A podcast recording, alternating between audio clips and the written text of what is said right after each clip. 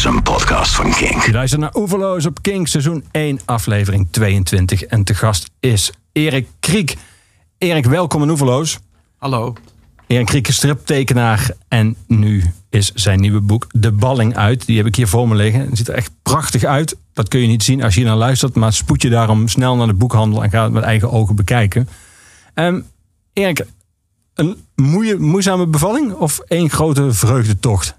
Deze nieuwe? Uh, nee, het was niet zo'n moeizame bevalling. Nee, ik vond het ontzettend leuk om te maken. En eigenlijk, ja, zoals bij alle boeken die ik maak, het is eigenlijk jammer. Striptekenen is ook een soort, ja, het is, uh, ik heb een soort haat-liefde verhouding met strips maken. Het is, het, het, het, schetsen, het plannen en het schrijven, dat is echt werk. Dus ik zit je echt te puzzelen en te schuiven en uh, te pijnzen. Maar als, je eenmaal, als je eenmaal het verhaal een beetje op stoom hebt, dan uh, is het eigenlijk een soort zen. Dan wil je eigenlijk niet dat het ophoudt. Kan bijna jammer dat hij af is. Ja, dan is het, uh, dan is het eigenlijk jammer dat hij klaar is. Ja, ja. Kan, kan eigenlijk wat mij betreft uh, jaren doorgaan. Het is heerlijk om te doen. Nee, ik zeker bij deze vond het, vond het echt een breeze om het te maken. Wat ik niet zo vaak zie in stripboeken is achterin in een register met niet alleen termen die erin voorkomen, of verklarende woordenlijst, maar ook met literatuur die jou die een soort studiemateriaal is geweest voor, voor dit boek. ja veel, veel boeken over uh, IJsland, veel boeken over de vikingen. Was het nodig om je te verdiepen in die uh, tijd? Nou, ik uh, op zich, deze tijd, voor, voor, deze tijd is het niet echt nodig. Want er is heel weinig over bekend. De IJslanders en Scandinaviërs zelf schreven in ieder geval niks op. Dus pas, pas in de 13e, 14e eeuw zijn er geschriften gevonden. Die, dat literatuur, dat, dat, werk, dat pak literatuur wat de IJslanders hebben nagelaten in de wereld. Maar het is wel, het is wel heel erg leuk om erin te verdiepen. En uh, ja, ik vond, begon het steeds leuker te vinden. Het was bepaald geen, geen huiswerk hoor. Ik uh, vond het heerlijk om uh, erover te lezen. En ik vond, ja, ik dacht misschien is het gewoon eenvoudig als je, als je misschien dit boek, door dit boek je interesse is gewekt en je houdt van geschiedenis net als ik, dan, dan is het handig om, om, om eens te kijken wat ik heb gebruikt als, als, bron, als bronnen voor dit, voor dit verhaal. Ja. Maar het is, het is gewoon vond het gewoon leuk om erbij. Ik vond het ook een beetje stoer. Om te, je ziet het wel eens bij boeken. Weet je wel, van, dus ik, vond het, ik vond het leuk om te doen. Ja, dat bijna nog voetnoten kunnen toevoegen. Ja, nou, bij de eerste lezingen was al heel duidelijk dat uh, mensen helemaal gek werden van die termen en die namen. Voor mij is het best gesneden koek, maar ja, het was wel heel snel duidelijk dat, dat mensen helemaal niets hebben met altingen en. Uh, ja, want dat komt op pagina 29 komt die term de eerste keer altijd. Ja, uh, maar ik wilde, ik wilde geen uh, asterixjes en dan onderin de pagina uitleggen. Dat wilde ik niet. Ik wilde, nee, ik wilde ook niet nummertjes, voetnoten wilde ik ook niet. Ik vind dat, vond dat alles uit de context gewoon moest blijken. En als je het niet snapte, ja. Dat, maar mijn uitgever zei: ja, je moet wel iets van een stamboom doen of een verklaarde woordenlijst. Want anders worden mensen echt raak het spoor bijster. Dus, ja, dat dus- gebeurt niet, kan ik je verzekeren. Nee, uh, ik, ik, vond het eigenlijk uiteindelijk wel meevallen, toch? Ja, zeker. Ja, maar dat Alting, dat, die term die hebben we nu genoemd, die, die komt op pagina 29 voor het eerst en daarna speelt hij een hele belangrijke rol in het boek. Dat is eigenlijk een soort van uh, het parlement uit die tijd. Een, volks, een soort volksparlement. Ja, je moet het, je moet het zo voorstellen. Het was, het, was, het is een ongelooflijk onherbergzaam eiland. Dus als je er rondloopt, je beseft niet, of je snapt niet dat er überhaupt uh, menselijk leven nou mogelijk is. Ja, nu met, met verwarming en met auto's en met, met vliegtuigen die allemaal lekkere spullen brengen en zo. Maar toen, het waren echt mensen die echt leefden op het randje van de, van de uithongering. Er zijn ook heel veel hongersnoden geweest door de eeuwen heen. Maar uh, ja, ik vond dat. En ja, er was geen ook overkoepelend gezag. Dat was het merkwaardige. Ze hadden. De, het waren eigenlijk allemaal een soort vluchtelingen, pioniers. Die vluchten van vanuit Noorwegen en Zweden en Denemarken. Daar, daar waren wel vorsten en, en, en graven en zo die heel erg veel oorlog voerden met elkaar. Dus heel veel mensen hadden er een beetje genoeg van. Of die werden verbannen of die werden, ja, waren, gewoon, waren het gewoon zat en wilden voor zichzelf beginnen. Maar het gevolg het waren geïsoleerde families. En die hadden allemaal wel een stamhoofd.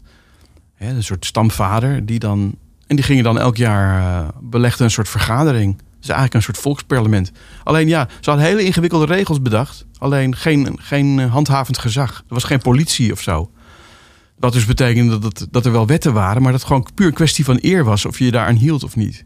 Dat betekent dat dus die, die, bijvoorbeeld die, die wraken, die bloedvetes, die konden eeuwenlang, generaties lang door, doormodderen. Want je kon, als, je, als Jantje Pietje doodsloeg en uh, de vader van Jantje betaalde een paar pond goud aan de vader van Pietje, dan was daarmee de kous afgedaan, volgens de wet. Maar er was geen, helemaal geen rechter of politie om dat na te leven. Dat die zak goud ook echt kwam. Dus ja, daar werd dan weer over ge- ge- ge- gevochten natuurlijk. Die kop weer ingeslagen. En zo ging dat maar door natuurlijk. Ja, dat vond ik eh, heel erg leuk gegeven. Ja. En ook dit heeft wel een heel mooi verhaal kan opleveren. Ja, Blijkt wel. ja Ehm, want dat, dat, dat, eh, ja, die literatuur. Het is wonderlijk dat er... Er wonen nu ook maar 300.000 mensen. Maar die, ja, die IJslanders hebben ook nog kans gezien... om een ontzettende literaire nalatenschap eh, op de wereld te zetten. En dat zijn, ja, dat zijn van alles. Het zijn geschiedenissen, mythologieën... en eh, deze familiesaga's waar ik dit werk op heb gebaseerd. En eh, ja, dat, dat is nog... Die zijn goed, goed vertaald. meestal vanuit het Engels e- eerst. Want vooral in de romantiek in Engeland... ontdekten die, die dichters en schrijvers uit Engeland ontdekten dat, dat werk. En die zijn het gaan vertalen. En, eh, en zo is het eh, zeg maar in de wijde wereld eh, terechtgekomen. Ja. Maar dat zijn echt soaps. Het, het is fantastisch. Echt. En, en ja, wat, wat, heel, wat me heel erg aansprak altijd... is dat ze... Hè, de anti-held is iets wat wij echt in de westerse literatuur... nu, nu heel goed kennen als stijlfiguur. Maar in die IJslandse literatuur... was het gewoon heel normaal om over een klootzak te schrijven. Waar je dan misschien pas na een paar honderd pagina's achter kwam... wat een lul eigenlijk, weet je. En het was wel de hoofdpersoon in het verhaal. Ja, ja. Maar daar hadden ze, ja, dat, dat is, heeft een heel nuchtere manier van vertellen. Dat vind ik eigenlijk heel erg verfrissend. ja. Heel fijn. We gaan het over hebben, over de balling. We gaan het hebben over jouw andere werk. We gaan ook muziek draaien. Ehm, Ja. We gaan terug naar een oude liefde. eh, waar jij zelf mee hebt gewerkt. Toen jij je boek maakte eh, over de Murder Ballads. Toen zat er ook muziek bij. Eh, en dat was deze band. Dat was de Bluegrass Boogeyman. Die we natuurlijk nu kennen. Ook van Tim Knol. Die eh, een fantastisch album met ze heeft gemaakt. Happy Hour. Tim was hier nog enkele weken eh, geleden te gast. Inmiddels spelen zij door het hele land. Werkelijk overal. Je hebt het titelnummer uitgekozen van Happy Hour. Waar- waarom, waarom deze? Nou, ik had op mijn lijstje wat ik bij je heb ingeleverd... al het bandje The Deep Dark Woods. En het nummer van Tim Knol op deze plaat... mijn favoriete nummer heet ook The Deep Dark Woods. Dus ik dacht, laat ik Leon Verdonschot nou niet in de war brengen hier. dus daarom, eh, daarom maar even de enige, het enige walsje, echt bluegrass walsje... wat er op deze plaat staat. Want het is natuurlijk heel veel hoog tempo eh, bluegrass. Maar ja, bluegrass heeft ook hele mooie, zachte, romantische tempo muziek. En eh, ja, ik vind het een prachtig nummer. Echt... eh, Happy hour again, and I'm crying. The revision first thing that I go for. The last thing I need is to look back at what has been. Though even drinking can seem to drive me to the state of mind I need to be in. But the fare is cheap when it's happy hour again.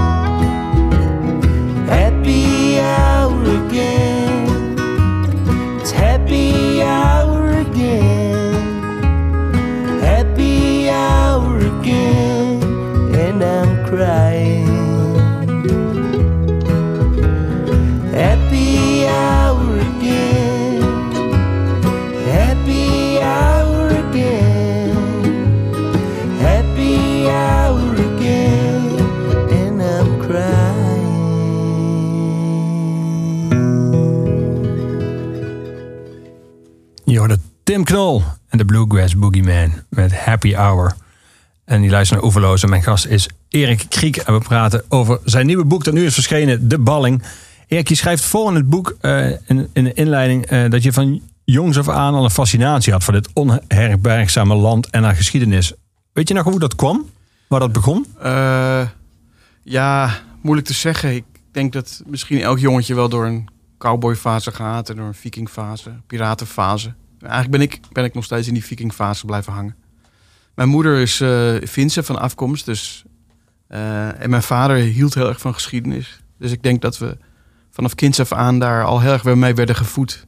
Altijd als er ergens een oud kasteel was of een opgraving of zo, dan gingen we daarheen als gezin. En ja, mijn zussen stonden dan vaak dan glazig te kijken of die stonden ongeduldig bij de auto. En, en ik, uh, ja, ik was gefascineerd. Ik liep overal in te speuren en te puzzelen en, en te speuren. En ik vond het hartstikke leuk. En uh, ja, je had natuurlijk uh, toen op tv Wiki de Viking. En je had strips als Torgal en zo. Dat vond ik allemaal, allemaal helemaal fantastisch. En ook, ja, ik ontdekte de boeken van Tolkien. de Hobbit, de Band van de Ring. Toen was ik jaar of dertien of zo. En ja, ik ontdekte al heel snel dat, dat Tolkien dat niet allemaal uit zijn duim had gezogen. Maar gewoon ergens de mosterd had gehaald. En dat was voornamelijk die, die Noord-Europese mythologieën en culturen en zo. Ja. Dus, dus, via Tolkien ben ik heel erg daarin uh, terechtgekomen. En uh, ja, het was echt altijd, is me altijd bijgebleven als daar wil ik nog eens een keer iets mee doen. Ik zag in een interview volgens mij in de Volkskrant dat je die fantastische film van Nicholas Winding Refn van Halla Rising, die maker kennen we onder meer van Only God Knows and Drive, dat je die als een van de inspiratiebronnen aanhaalde. Ja, ja ik, vind dat, ik vind dat echt. ik, ik vind al zijn films wonderlijk. Het is sensationeel wat die man doet. Ik uh, ben een ongelooflijke fan van zijn werk. En uh, ja, ik, ik heb hem. Mijn zus zit in de filmwereld en die. Ik heb hem geprobeerd te benaderen om een voorwoord te schrijven. Lijkt me heel leuk als hij een woordje. Maar ja, dat soort dingen dat hangt af van persoonlijke favors, weet je wel. Dus het, ja, het kwam niet, ik kwam niet verder dan zijn producenten. Die, die wimpelde me af met ja, hij heeft te druk en zo. Ja, maar dat soort dingen. Ja, je stuurt een mailtje en dan weet je heel snel, dan ga je niet aandringen. Dan weet je al heel snel, ja, ik word afgewimpeld. Ja, maar die stijl van die film, heel verstild en heel kil af en toe. Die, ja. Dat was het vooral? Ja, die film is, uh, is, is, wordt gedragen door Mats Mikkelsen. En, uh, ja, ik de hoofdrolspeler, ja. vond het heel mooi dat hij, als je de Noorse mythologie een beetje kent, dus hij, is eigenlijk de, hij speelt één oog. En eigenlijk de oppergod Odin is ook, heeft ook maar één oog. En Odin heeft uh, zijn ene oog opgeofferd uh, om uh, in de toekomst te kunnen kijken, hè, volgens de mythologie. Dus als je dat een beetje weet, dan, dan zie je dus dat, dat, dat hij eigenlijk een soort. hij, want hij, hij heeft ook een soort visioen. Hij weet eigenlijk al hoe het verhaal gaat aflopen. Het gaat over een soort zwijgende slaaf die tot krijger wordt of zo. Dus het gaat ook niet zozeer om het verhaal. Het, het boeit er ook verder niet of zo. Het gaat puur om de sfeer en de, en de, en de, en de atmosfeer en de, en de, ja, de, de algehele uitstraling van die film is heerlijk. Ja. Ik wil een nummer draaien dat jij niet had aangedragen, maar waar ik zelf aan moest denken. Uh, eigenlijk om twee redenen. Op de eerste plaats doordat er natuurlijk van veel ook fantastische muziek uit IJsland komt. Uh, toen moest ik aan Johan Johansson denken. Uh, zijn laatste werk. En die film kwam ook af en toe op mijn netvlies bij het lezen van je boek. Mandy. Een zeer bloedige. Oh, oh die heb ik ook net. Die heb ik ook net gezien, ja. Ja, net, vooral in de alle rode lopen oh, pagina's. een fantastische film. Die vorige zo. van hem was ook al zo goed. Beyond the Black Rainbow. Ja, maar er staat ja. op pagina, helemaal in het begin van, het boek, van jouw boek, staat één plaatje dat gewoon, dat, een rood doorlopen, bloeddorstig plaatje van de hoofdpersoon. Dat, dat, nou, ik moest meteen aan Nicolas Cage denken tijdens ja. Mandy. Ja, dat is grappig. Dus ik heb ik, het wel getekend voordat ik die film zag. Maar ja, het is, uh, het is, ik heb gebruikt de kleur rood als we, als we in het hoofd van de hoofdpersoon zitten. Dus ja. dan zijn we in een andere timeframe. Dat een betreft een visioen of een droom of een herinnering. Dus ik probeer dat grafisch dan uh, te duiden dat, het, dat de lezer weet van... oh ja, we zijn uh, nu niet in de, in de echte tijd. Zo. Nee, het komt ook af en toe terug inderdaad. Maar ik, wil, ik probeer het verhaal altijd zo min mogelijk uh, te duiden. Dus ik, ik wil dat het uit context duidelijk wordt. Hè, als mensen ineens denken van, huh, wat gebeurt er nou? Ik wil niet dat er en toen ondertussen aan de andere kant van het eiland. Dat wil ik allemaal niet. Weet je. Kan je ook als Paul Jambers praten. Jambers. Nee, maar begrijp je dat soort captions vind ik altijd. Uh, het is net als een voice-over bij film. Dat vind ik ook altijd een soort, een soort, uh, ja, een soort defect, vind ik dat eigenlijk. Ja. Ik vind dat iets moet, uh, moet je met, met beelden kunnen vertellen. En dan, ja, je mag best. het vergt best wel wat van je lezer, dat snap ik wel. Maar ja, daarom laat ik het altijd goed eh, proeflezen. En mensen, ik merk tot mijn vreugde dat mensen eigenlijk dat helemaal niet merken. Die, die hebben het gewoon, die nemen dat eh, gewoon in stride. Eigenlijk. Die- Ja. ja, die vallen wel op een hele, over een hele hoop dingen in het verhaal. Maar dan juist niet over de dingen waar ik me zorgen over maak. En dat, is, dat doet me eigenlijk veel vreugd. Ja. Ik ga dat nummer draaien. Lijkt me Ja, een goede soundtrack bij Ja. sommige pagina's uit je boek. Eh dit is de opener, Seeker of the Serpent's Eye Hij van de net, film Mandy. hij is net overleden, hè, die man. Ja, ik, hè? ja Klopt, Helaas. dat is het laatste werk wat hij heeft gemaakt. Ja.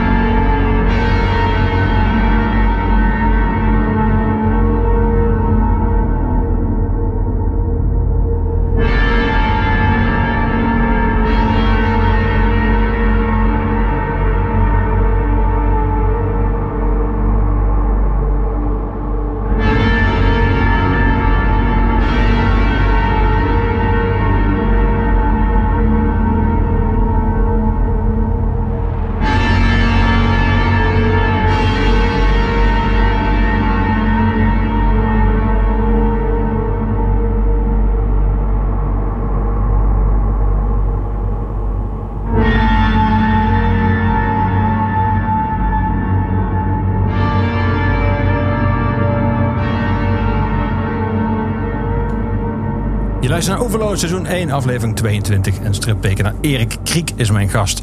De Balling, zo heet zijn nieuwe boek. De hoofdpersoon, spreek je het gewoon uit als Halstein?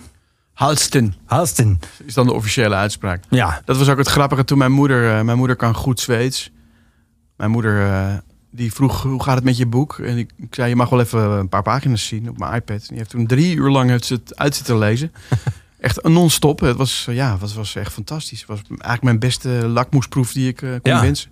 Maar zij sprak ook meteen alle namen goed uit. Dus dat was... Maar goed, je mag, je mag Halstein zeggen, maar officieel is het Halsten. Halsten. Ja. Die is zeven jaar verbannen geweest en dan komt hij terug eh, in IJsland. Mensen rekenen hem zijn gewelddadige verleden nogal na. Maar hij komt vooral om, om zijn deel van een erfenis op de, op de eisen. Klinkt een beetje, ja, eigenlijk op de eisen. In ieder geval heeft hij recht op.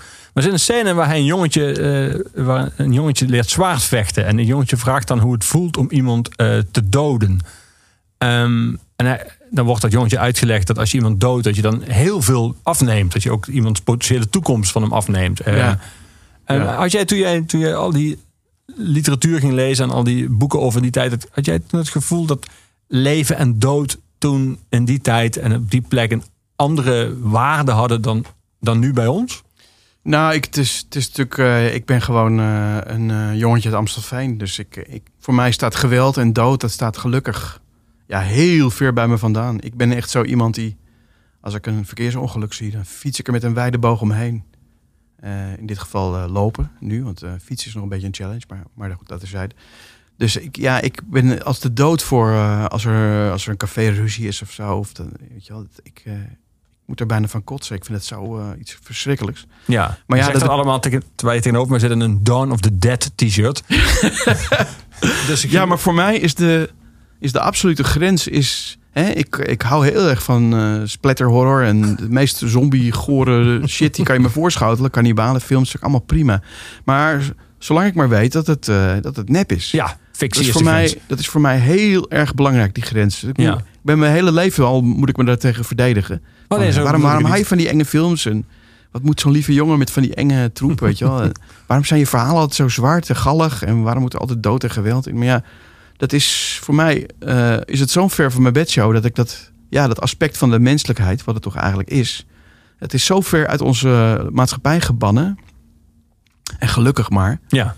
Hè, en dat is, Maar toen jij dat teruglas, toen jij al die boeken las uit IJsland in die tijd, dat is ook literatuur, maar dat is geen fictie. Dat is gestoeld op hoe het toen ging. Nou, er zijn, er zijn de meningen heel erg over verdeeld. Er is een, eh, er is een eh, ja, in mijn literatuurlijst eh, noem ik een werk van Jesse L. Bayok. Dat is een professor aan de Universiteit van Texas. Maar die, die is van mening dat alles uit de geschiedenis gewoon staat opgetekend in die sages. En andere wetenschappers zeggen, ja, nee, het is pas 300 jaar later opgeschreven. Het is literatuur, het is helemaal overdreven, het is, het is onzin, weet je wel. Je moet, er zit wel een kern van waarheid in, maar je moet het niet letterlijk nemen. Dus de, ja, ik denk dat eh, beide waar is. Die verhalen zijn oraal overgeleverd. En natuurlijk, eh, ja, eh, de ene vertelt het eh, zoals het was. En dan de andere maakt, er, maakt het nog sap- sappiger en smeuiger, weet je wel. Het is, het is een soort Twitter eigenlijk van die tijd. Hè. Zo kan je het zien. Eh, Iets wat ik bij, bij die Murder Ballads, eh, mijn vorige boek, ook al eh, interessant vond. Hè. Dat iets... het, is toch die sensatiezucht van mensen. Die willen, die willen niet horen over, over de koe die de hele dag vrolijk in de wei stond. Nee, die willen horen hoe die koe werd afgeslacht. En die willen alle details weten. En dat is, dat is wat je nu nog steeds... Dat is zo menselijk. En dat ja, is, en dat bespeel je bij jezelf dus ook. ja, ik, ik hou heel erg van verhalen. Ja. Ik denk dat dat, dat is wat, wat de mensheid eh, onderscheidt van de lagere diersoorten, zullen we maar zeggen. Is dat, is dat we elkaar verhalen kunnen vertellen. En juist, eh, ja, ja, dat mag zo gruwelijk mogelijk zijn. Dat, dat, dat, is, dat is prima. Dat, dat moet je, je moet dat accepteren als dat hoort bij, de, bij het mens zijn. Ja. Dat betekent niet dat je het hoeft, gaan, hoeft gaan doen, letterlijk zelf. Is het ook ja. fijn om te tekenen? Om dat te tekenen? Ja, de natuurlijk. gewelddadige scènes en de balling zijn die ook. Ver- Verheug je daar dan een soort van extra Ja, daar kan op? ik, kan ik me dagen op verheugen. Van, oh, morgen kan ik lekker aan die scène beginnen. Ja, ja, ja. Nee, zeker. Morgen gaat hij dood. Ja, dan kan ik lekker. En dat soort scènes heb ik natuurlijk als eerste altijd van, oh, daar moet een ve- vet gevecht komen. En dat, het heeft ook met flow te maken. Zo, Ja. Je moet je publiek niet de hele tijd naar pratende hoofden laten, laten kijken. Af en toe moet je ook wat, wat pauze nemen en dan komt er weer een vette actiescène doorheen. En zo. Het, is wel, het moet wel een eh, fijn verhaal eh, opleveren. Spannend verhaal om te lezen. Ja. In die zin, zoals jij het nu vertelt, lijkt het heel erg op een filmscript. Nou ja, er zijn natuurlijk eh, heel veel overeenkomsten, ja. Wat is het belangrijkste verschil? Wat Het betreft? verschil is dat een, eh, een strip maken is, kost een fractie van. eh, ik denk dat, de dat een gemiddelde film eh, evenveel aan. in een uur evenveel uitgeeft aan koffie. dan, dan dat het kost om een strip te maken, denk ik. Ja, het Ja. Is, het, het- dat is het verschil. Je hebt controle over de belichting, over de camera, over de acteurs. Die hoeven geen trailer, die hoeven ook geen motief. Die, die hoeven wel een motief, maar die, die, die hebben geen sterallures. Want die, die kan je gewoon altijd in de kou laten opdraven. Je kan hun kleren, frontal, nude, kan je alles, geen, geen contracten, geen vakbonden, niks. Dus eh, het, het, is, het wordt ook wel eens genoemd de poor man's movie, het strip. Hè? En het, eh, ja, het, het, het, eh, dat, is het, dat is het toffe daaraan. Het is een level playing field voor iedereen. Hè? Het enige wat je nodig hebt is, is, is potlood, papier en, en heel veel tijd. Ja. En dat en film maken, dat is, dat is ik, ken, eh, ik ken heel wat mensen in de filmwereld, maar dat is, dat is een vreselijke lange adem moet je daarvoor hebben voordat je, voordat je ooit eens je, je droomproject eh, verwezenlijkt gaat zien. En misschien lukt dat helemaal nooit. Dus ja, strip is daarentegen, ja, dat is gewoon gaan zitten en gaan doen. Het is voornamelijk discipline. Ja. We gaan muziek draaien. Muziek van een album Vagabond uit 19 uit 2007, waar jij de hoes voor hebt getekend. Ehm 1099. Eh, voor de mensen die de band niet kennen, een zeer eh, live een hele bijzondere band. Ehm, Ja, ik vind, ik, ja, ik eh, hou ontzettend van die muziek. Ik vind, eh, en misschien, ja, cd's zijn goed, maar hun live shows altijd, altijd een sensatie. Is, heerlijke, lekkere, blue, lekkere roots rock. Ja, ik vind het een van de, een van de betere bands in het land. En helaas kennen veel te weinig mensen die muziek. We gaan dan naar luisteren. Nummer heet Sun, hier is 1099.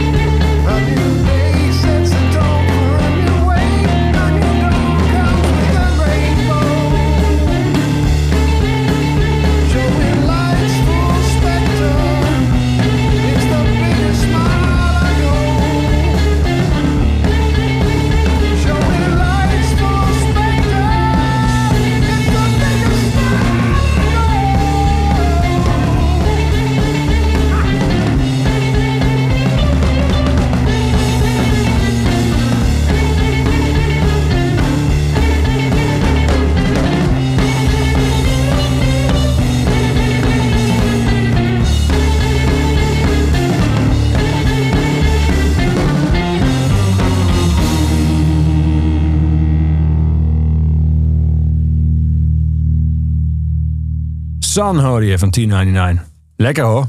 Heerlijk. Ja. Ehm, een paar jaar geleden maakte ik een profiel voor het toen nog weekblad Vrij Nederland eh, over Hansje Joustra, jouw uitgever, eh, de uitgever van Scratch. Ehm, Eh, inmiddels niet meer. nee, maar toen wel nog. Ja, ik heb nou, 25 jaar met hem gewerkt. Vanaf ogenblik. Toen ogenblik bezig bij en toen Scratch. Ja, hij is een paar keer En nu... eh, veranderd van huis. zeg Ja, maar. en nu is hij... En jij eh, met hem? Nu zit hij bij Concerto Books. Concerto is ook eh, in de stripboeken gegaan. Ja, Maar ik, eh, ik ben bij Scratch gebleven hangen. ja. Maar ik doe wel, ben wel bezig met een project eh, wat we samen weer doen. Dus ik, er komt volgend jaar een, eh, wat ik dan noem een tussendoorproject. Wat, eh, wat ik wel, eh, wel bij Concerto wil parkeren. Dat is mis- misschien iets minder interessant voor Scratch. Het, zijn, het is een beetje een Robert Crump-achtig boekje met eh, portretten. Oké, Van, van, country en bluegrass artiesten. Dus eh, ja, daar heb ik een soort. Ik doe een soort rubriek voor de Zone 5300. Eh doe ik al een aantal jaar. Heb ik zo'n heb ik zo'n stukje met, eh, met een soort biografietje en een portretje van, een, van iemand die ik, die ik leuk vind. Om, die ik- muziek ik bewonder. En Hansje die wilde dat heel graag bundelen. Dus we gaan daar een bundel van maken. Ja. En dan met, met muzikanten die we eerder hoorden, de, Bo- de Boogeyman, Mhm. met Tim, misschien, misschien weer een cd erbij. Maar dat moeten we nog even eh, kort sluiten. ja, Maar dat tof. is wel de bedoeling. Toen ik jou sprak voor, voor dat portret van, eh, van Hansje, toen vertelde jij dat je het zo fijn van hem vindt dat hij snapt hoe het vak werkt en dat je ook eh, een planning maakt, maar dat die planning ook altijd kan veranderen. Je vertelde toen zelf dat je nog bezig was met een nieuw boek dat dan over een half jaar kon duren, maar ook drie kwart jaar, ook wel een jaar. Ehm, is, is het lastig om eh, te weten wanneer je klaar bent als je begint aan een boek als De Balling? Of kun je weer zeggen, Ja, nou, dit is het nou, verhaal, ik weet ja. dus waar het eindigt, ik weet ook hoeveel tekeningen dat zijn, ik weet hoe lang ik over een tekening doe, dus dit is de planning. Ja, ik, ik snij mezelf altijd een beetje in mijn vingers met dat soort projecten. Want ik weet eigenlijk nooit. Ik begin altijd gewoon bij pagina 1. Dat is eigenlijk een beetje, ja, een beetje stom. Want ik weet eigenlijk nooit. Ik, heb, ik vertrouw mezelf dat, dat ik op een gegeven moment wel een eind aan brei. En dit, bij dit project eh, is een lang verhaal. Dus dat had wat meer voet in de aarde. Ik mo- moest echt wel, eh, wel eerst een verhaal verzinnen. Weet je? Want als je gewoon maar begint, ja, dan meandert het gewoon door tot het uitpietert. Dus eh, ja, ik, ik, ik, ik probeer het altijd, eh, zeg maar, laat, ik zeggen dat ik, tot de helft zo ongeveer. En dan kan ik zeggen van nou, ik heb nog, ik heb nog een jaar nodig. Of ik heb nog anderhalf jaar nodig. Maar in het begin kan ik dat niet zeggen, nee. Ik moet al eerst wel een flinke, flinke aantal stappen hebben gezet. En dan kan ik ongeveer, ik weet ongeveer, ik weet wel precies hoe lang ik over iets doe. Dat kan ik goed inschatten. Ja. Maar hoe werkt dat? Kun je me dat eens uitleggen? Want als, eh, als je een boek schrijft, als ik een boek schrijf, weet ik ongeveer, nou, ik heb zoveel duizend woorden zijn het, zoveel duizend woorden. Als, het, als ik doorwerk, eh, schrijf ik per week of per dag. Maar ik weet ook, als ik iets niet, uiteindelijk niet gebruik, dan moet ik het weggooien. Dat is een dag werk is dan weg. Bijvoorbeeld, eh, weet ik veel, drie alinea's. Maar ik kan me voorstellen in jouw geval dat het heel in- inefficiënt is om bij sommige passages die je niet gebruikt, ook alle tekeningen al bij te hebben gemaakt. Want dan ben je weken. Nee, maar zo werk ik ook niet. Hoe Nee, werk- dat, hoe zou, dat zou heel erg zonde zijn van Ja. de tijd. Ja. Nee, ik maak eh, duimnagels of thumbnails, zoals ze zeggen in het Engels. Hè? Dus dan maak je gewoon eh, kleine breakdowntjes van... eh, van het belangrijkste is Dat je je, je tekst gewoon goed op de pagina weet te krijgen. En de rest is gewoon invulling eigenlijk. En meestal, ik schrijf ook geen verhaal van kop tot staart. Ik, ik, meestal bedenk ik scènes. En dan denk ik, oh, dit zou ik eh, leuk, leuke scène vinden. En, meestal, en dan meestal verzin ik dan de, de, de scènes tussen de scènes erbij. Dus eh, hoe komen we bij deze scène? Wat moet eraan vooraf gaan? En dan, eh, dan verzin ik personages. En die personages besteed ik veel tijd aan. Hè, wie waren zijn ouders? Hoe ziet hij eruit? Waar komt hij vandaan? Wat is, nou ja, dat soort dingen. En die maak ik dan vervolgens kapot. Hè, dus ja, want gelukkige mensen, daar, daar heeft niemand wat aan. Dat levert geen, geen drama op. Dat is heel saai. Van, ja, hij Zoals was, de band Therapy ooit zong Happy People Have No Stories. ja, precies. Het is, eh, daar, elke, elke, elke, ehm, elke iemand die fictie schrijft, die, die weet dat. Een gelukkig persoon ben je in één zin klaar. Hij, hij leeft lang en gelukkig klaar. Ja, het, het is veel interessanter om iemand een, eh, een, een, een, een, een, motief, een motief te geven. Door hem iets af te nemen of, of door, hem, door, hem, eh, te, door hem te breken. Dan heb je ook een reden waarom hij van A naar B moet, zullen we maar zeggen. Mhm. Dus dat, eh, dat probeer ik zo goed mogelijk te doen. En dan probeer ik eh, de onderlinge ver- verhoudingen een beetje te schetsen. En ja, het klinkt heel stom, maar als je, dat, als je dan die personages hebt, dan maakt het verhaal zichzelf. Want constant vraag je af van hoe zou hij deze situatie reageren? En hoe zou hij dan reageren? En hoe zou zij dan reageren? En hoe zouden ze samen op elkaar reageren als ze met z'n tweeën reageren op deze situatie? En ja, dat is, dat is wonderlijk. En eh, ja, dat zijn echt weer. Het zijn oude vrienden die je dan gewoon, waar je mee om tafel gaat zitten. En dan ga je, ga je dat gewoon. eh, ja, is het echt. Wacht jongens, wacht jongens. Ik, ik, eh, ik ga het even tekenen nu. Want uh, even ophouden met praten. Want ik moet het eerst even uittekenen. En dan morgen doen we weer een nieuwe scène, oké? Zo kan je steeds met je personages in, in gesprek gaan. En eh, ja, dat is, eh, dat is heerlijk. Dat is eh, wonderlijk. Ja. We gaan muziek draaien. Eh even jouw keuze. The Beat, Mirror in the Bathroom van het album I Just Can't Stop It. Dat is in 1980. Toen was jij, toen was jij een puber. Ja, eh, mijn zusjes, eh, mijn oudste zus, die, die, die draaide Jim Croce en die draaide Supertramp en Bob Dylan. En later eh, met mijn jongere zusje erbij eh, werd het disco. Hè? Dus ja, ik vond dat verschrikkelijk. Ik vind het nu eigenlijk heel tof eigenlijk hoor. Maar toen vond ik het verschrikkelijk. Maar de ska, dat was voor mij echt helemaal van mij. Mijn ouders vonden het verschrikkelijk. Mijn zussen vonden het verschrikkelijk. Maar ik vond het fantastisch. Had, Dus een eigen, had jij een eigen kamer? Ja, En ook toen- een eigen platenspeler? Nee, ik had, deelde een kamer met mijn broertje. Ah. Maar die was vier jaar jonger, dus die, die, ja, die vond alles best. Maar eh, tenminste, dat, dat hoop ik. Maar het zal wel niet zo zijn als je dit hoort. Maar, maar goed, Maar hoe kwam, de, hoe, kwam, hoe kwam de ska dan bij jou terecht? Ja, niet niet nou, via je ouders, niet via je zussen, zo te horen. nee, dat kwam via school. Hadden we dan één jongen, die liep er dan bij als root boy. Die had, eh, die had dan een polo shirtje aan van Fred Perry. En die had dan een colbertje en een hoedje op. En had zoiets van, wat is dat dan? En toen zag ik, ja, het is misschien voor de luisteraars van nu moeilijk te begrijpen. Maar we hadden toen alleen Pop-Op en Radio 3. Of eh, Hilversum 3 moesten we toen nog zeggen. Ja. Voor de rest had je niks, hè? En eh, je had elke week had je een, eh, een gedrukt lijstje met de top 40 erop. En die kon je dan halen bij de platenzaak. En dan, en dan in de platenzaak draaiden ze dan een plaat. Of dan kon je zelf platen uit de schap nemen en luisteren. Ja, jij, jij, bent ook, jij weet het ook nog wat te herinneren, denk ik. Hè? Ja, zo, we hadden geen internet of Spotify. Of je kon het, hè, het is allemaal zo makkelijk. Je kan alles eh, op je telefoon al meteen vinden. Maar ja, voor mij was dat een openbaring. Die ska. Het op top op was toen, de- waren toen de specials en de selector Ja. en madness.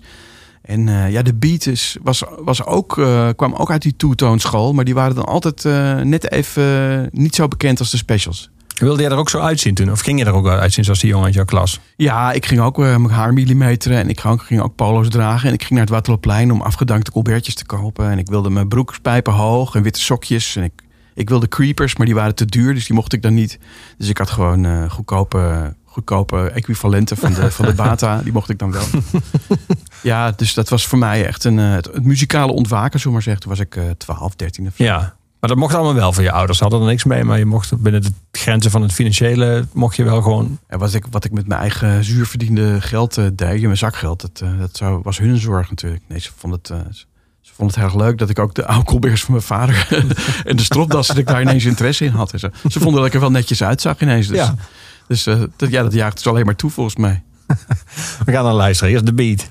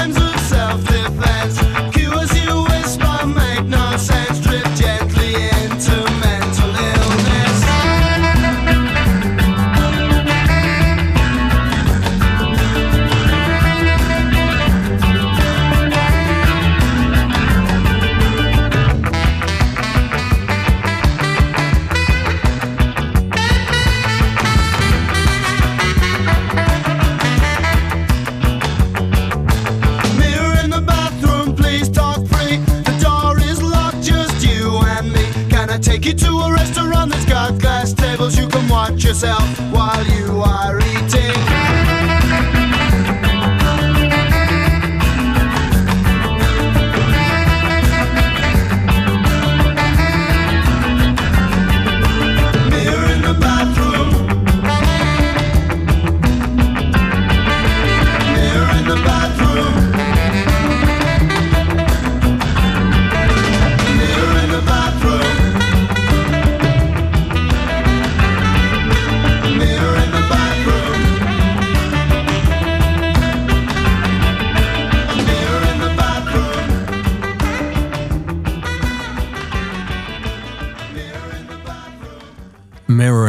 the Bathroom, hoorde je van de beat. Nog steeds, volgens mij ben je er nog steeds enthousiast over, hè, als je het na al die jaren terug hoort. Ja, ik vond het leuk om, eh, om je, je vroeg me om een paar nummers uit te zoeken. En ik, ja, ik vond het leuk om iets uit mijn jeugd te doen. En eh, ja, ik, eh, ik deed ook een beetje als eerbetoon aan Ranking Roger, de, de, de rapper, zullen we maar zeggen. De toaster, zoals het bij Jamaicaanse muziek dan heet. Ja. Van The Beat, die recentelijk is overleden. En ja, ik, als ik het nu weer terug hoor, ja, die drummer is zo goed, man. En die bas, die, die ritmesectie is zo, zo goed van hun. Het, het hele typische sound. Het is heel anders dan eh, Selector of de, of de Specials. Ja. Je hoort eigenlijk nooit die ska-chop. We zeiden het net al tegen elkaar. Het is meer dat wat ze later bij Van Young Cannibals hebben voortgezet. Die hele, die hele lekkere, heldere gitaarriffjes. Zo. Is heel, eh, heel fijn. Lekker kwam, horen. en je kwam er toen jij las over zijn overlijden eigenlijk tot jouw verbazing achter dat ze eigenlijk niet heel veel ouder waren dan jijzelf. Dat is bizar, hè? Zij waren 18, 19 toen Terwijl jij toen- 12 was. Ik verafgoorde ze toen, weet je wel. En, en nu blijkt dat hij eigenlijk eh, maar een paar jaar ouder was. Terry Hall van de, van de Specials ook. Die, die was 18 toen ze doorbraken. Nou, dat kan je echt niet voorstellen nu. Toen, ik, ja, ik vond dat dat waren echt, me, echt superhelden voor mij toen. Ja. Het, eh, ja, vast, ja, merkwaardig kom je dan achter. Dat je helemaal niet zoveel in, in leeftijd verschilde. Dat, eh, dat is gek, hè, als je kind bent. Dan, dan denk je dat, ja, dat, dat het verschil, dat er, dat er echt een wereld van verschil tussen zit. Maar het blijkt eigenlijk helemaal niet zo te zijn. Nee. Hoe ging die muzikale ontwikkeling voor jou toen verder? Want je, je ontworstelde je eigenlijk aan de smaak van je, van, van je zussen. Je, ging, je, werd, je kwam in de ska terecht. En en vervolgens, waar leidde, waar leidde ska, Ska- weg toe? Ja, die ska-periode was eh, relatief kort. Toen had ik een heel lange. Toen begon ik met, eh, met wiet en hash en zo. Toen werd er, werd er uiteindelijk reggae gedraaid. Want dat is volgens mij de enige muziek die, eh, die te genieten is als je een beetje stoned bent, volgens mij. Dat gaat maar door. Vooral van die, van die freaky dub reggae, zoals eh, Creation Rebel en zo. En dat een beetje on-new sound, dat vonden we heel tof. Daar waren je ouders neem ik aan iets minder enthousiast over, over die oh fase. ja, mijn, mijn ouders vonden alles eh kloten. Die draaiden Verdi en... mijn vader draaide Wagner en Verdi en die had alle platen van ABBA. Maar daar hield het ook op. Alles, voor de rest vond hij alles herrie. Mag die herrie zachter, weet je wel? Je, je hoort hem nog zeggen. En mijn moeder, eh, mijn moeder vond, eh, vond, was niet zo rigide. Die vond eigenlijk alles wel leuk. Die had, was heel fan van Rob de Nijs. Is nog heel erg fan van Rob de Nijs. En Boudewijn de Groot had ze ook. Art en, Art, ja, Simon en Garfunkel. En, maar ze hadden ook heel veel, heel veel van die dansplaten. Van die, van die Herb Alpert en de Oh ja. Tijuana Brass. Dat soort platen. Die, die ik later pas heb ontdekt. Weet je wel. Die, was, die, was van, die waren fantastisch. Maar, eh, En hoe ging het verder bij jou? vraag? Van Ja, ja, ska ja, en sorry, dan- ja. Reggae. en dan En, reggae, toen, en eh, toen? eh, ja, toen via reggae kwam ik bij de Clash en New Wave en postpunk. Eigenlijk nooit zo punk geweest. We hadden wel één punker op school, maar dat, ja, dat vond ik een beetje, ja, dat, dat was wel stoer om daar een beetje mee rond te hangen. Want die, die, die schopte dan vuilnisbakken omver en zo, weet je wel. Die was Dat echt is wel heel punk, ja. anti, weet je wel. ja. en toen, eh, ja, toen eh, later eh, ontdekte ik de Pokes. En toen heb ik zelf met mijn broer en wat vrienden zijn we zelf een beetje folk gaan maken. Met Tim Whistle, een gitaar en banjo. En dat bleek heel succesvol. En toen zijn we heel erg in de Ierse muziek gedoken. Eh, en toen via de Ierse muziek eh, ja, bleek dat ik eigenlijk eh, best aanleg had om een liedje te zingen. En, en toen van daaruit meer in de bluegrass, Amerikaanse folk. En dat is eigenlijk, daar ben ik, zit ik nu heel erg in. En des te ouder ik word, des te verder ik terugga in de muziekgeschiedenis. Ik zit nu heel erg in obscure mountain music uit de jaren 40, 50 en zo. En, dus geen bluegrass, maar echt old time. En dus muziek die, waar de bluegrass uit voortkomt. Ja, Dus echt Amerikaanse witte rootsmuziek, zeg maar. Blanke, blanke rootsmuziek. ja. Dus echt... eh, En betekent bij jou elke nieuwe liefde een afscheid van de vorige of stapelt het op? Komt, er, Nee. komt het erbij? ik, vind, ik vind het... Ja, weer alle, we komen weer op, eh, op voor de luisteraartjes van, eh, van, van nu... Die, die, die alles eh, maar heel makkelijk met één druk op de knop kunnen vinden. Maar met, met de, de komst van het internet, met YouTube en Spotify is alles zo erg makkelijk te vinden. En vroeger moest je dan echt naar een specialistische platenzaak. En dan, weet je wel, dan ging je echt, wat is dit nou? Wat staat er aan in de winkel? En dan moest je, ja, dat, dat kan je niet, niet meer voorstellen. Dat je, hè, en ik ja, had je bijvoorbeeld... eh, Je zegt het allemaal een beetje alsof je een soort ambivalent gevoel hebt bij die technische vooruitgang. Alsof dat nee, nee, ik, ik bedoel juist dat ik het fantastisch vind. Ja, zat, er kan- geen, zat er geen waarde in zichzelf in, de, in die ontdekkingstocht? En dat- Jawel, het was heel leuk. Ja, het was juist heel erg leuk. En je had, eh, je had ja, de EO. Ik was, ik ben geen fan van de EO, maar ze hadden één fantastisch programma. Dat was Country Trail. Dat was op Radio 3, Hilversum 3, heel laat. Ja, het was natuurlijk al heel erg eh, christelijk en stichtelijk allemaal. Maar ze draaiden wel hele fijne bluegrass. En eh, ja, dan ontdekte ik daar ja, het programma van Jan Donkers. eh, Mhm. En Rolf, hoe heet die? Rolf Steffers? Nee, Stoffers. Nee, hoe heet hij ook weer? Sorry dat ik je naam verkeerd zeg. Maar van den Berg? Bens van den Berg? Robert van den Berg. Ja, sorry. Ja. Ja. ja. Ja, joh, prachtige boeken geschreven over Ja. popmuziek. En ja, die hadden ook dat soort radioprogramma's waar je dan echt... ja, ze maken nog steeds radio. Maar vroeger was dat echt een ontdekking. weet je. Mhm. Af en toe dan, wat is het? En dan opschrijven welke plaat het was. En eh, dan ging ik daarnaar op zoek en zo. Terwijl nu, ja, nu eh, krijg je van Spotify... Oh, vind je dit leuk? Dan vind je dit misschien ook leuk. En eh, ja, krijg dat er altijd wat tussen zit. Van, oh, dankjewel Spotify voor de tip. Ja, dat, ja, dat vind ik... Sommige mensen vinden dat heel vervelend. Hè? Want ik maak zelf wel uit wat ik draai, weet je wel. En van, vinden het, vinden het betutteling. Maar ik vind het eigenlijk heel erg leuk. Ja, ik, vind het, ik ontdek elke dag weer nieuwe, nieuwe bandjes. En eh, nieuwe oude bandjes vooral. Ja, ja. Voor jouw nieuwe bandjes. Ja. Ja. dus ik ontdek dan een, een obscuur bandje uit, eh, uit 1940 of zo. Hè. Ik, ik heb het niet over nieuwe muziek. Want daar, ja, Dan weet je het nooit, denk je wel eens, had ik, ik ben te laat geboren, ik had dit nog wel willen zien of maakt dat niet uit? Dus het, het is er gewoon nog nou, soms, soms zie je een, eh, een, een, eh, een, een beeld, bijvoorbeeld eh entree 6 cent. En dan zie je dat Jerry Lewis met Elvis en Johnny Cash en Bill Monroe op één beeld. Dan denk je van, jezus Christus, had ik daar graag een fly on the wall zijn. Ze. Dan denk je echt van, jeetje, wat een... Wat, en dan maar 6 cent entree. Dan denk je echt van, jeetje, daar zou ik wel eens bij geweest willen zijn hoor. Ja, Maar nee, nee het, is, eh, het is prima hier in Nederland eh, anno 2019. Ik zou niet eh, graag in een andere tijd leven hoor. Misschien een tijdmachine hebben om af en toe heen en weer te reizen. Maar dan zou je naar IJsland gaan waarschijnlijk, naar de vikingtijd. nou, daar zou ik, daar zou ik misschien... Ja, mijn vriendin en ik en mijn zoon waren er twee jaar geleden. Maar we waren alle drie eh, helemaal verkocht. We gaan zeker een keer terug als de, als de bankrekening eh, gestopt is met roken, zullen we maar zeggen. Want die rookt nog steeds na van eh, hoe we hem hebben misbruikt toen, die bankrekening. Want dat is eh, niet leuk. Dat kan ik ook op geen enkele manier leuk maken. Sorry voor het IJslands Verkeersbureau als jullie luisteren. Maar jullie land is echt ongelooflijk duur. Het is echt niet normaal. Het is gewoon tien keer Zwitserland en dan nog erger. Zo.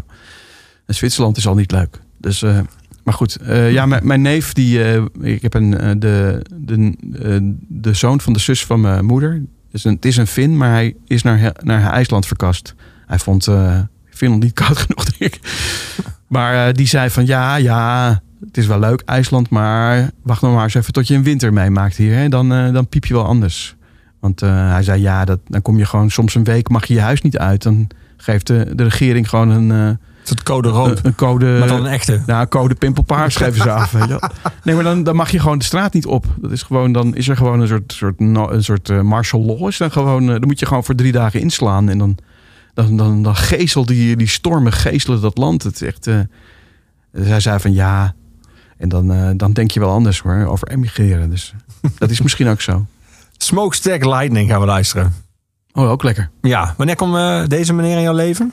Eh, ja, via Spotify eigenlijk. Ja, ik ken, het, ik ken het natuurlijk wel. Ik ken al die oude blues. Maar het is, het is iets waar ik me nooit zo in verdiept heb. Maar af en toe dan, dan geeft Spotify je dan een, een soort playlist of the day. En dat is dan eh, Delta Blues of zo. En dan, ja, dan draai je dat eigenlijk. Hey, wat een goede muziek eigenlijk. Wat fucking hell. Wat, wat, eh, sorry, dat, ik mag niet vloeken Dat natuurlijk. mag je. Dit is, niet, dit is niet die EO waar je denkt. Eh, maar eh, ja, wat, en ja, dit is natuurlijk een ongelooflijke evergreen, een platgetreden pad misschien. Maar ja, ik vind het nog steeds eh, een ongelooflijk fijn nummer om te horen. Ik draai hem ook vaak deze.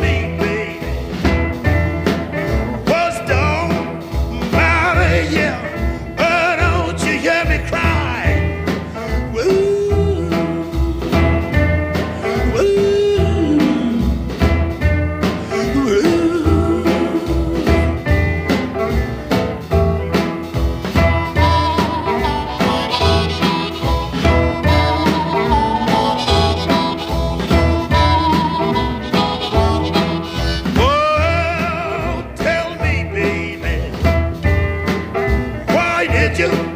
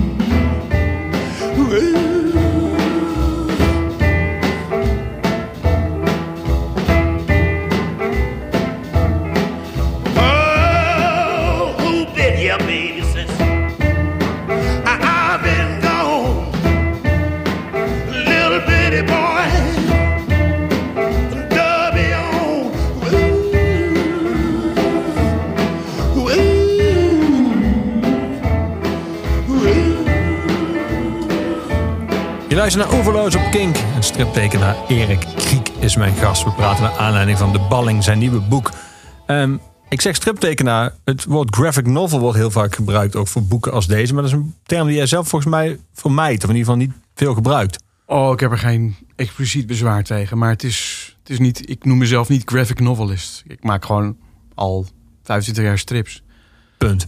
Punt, ja. Kijk, als, eh, als mensen het graphic novels willen noemen. Maar het is natuurlijk bedacht door de, door de, door de uitgever, uitgeverswereld. Omdat ze wilden differentiëren in, eh, in een bepaald soort strip.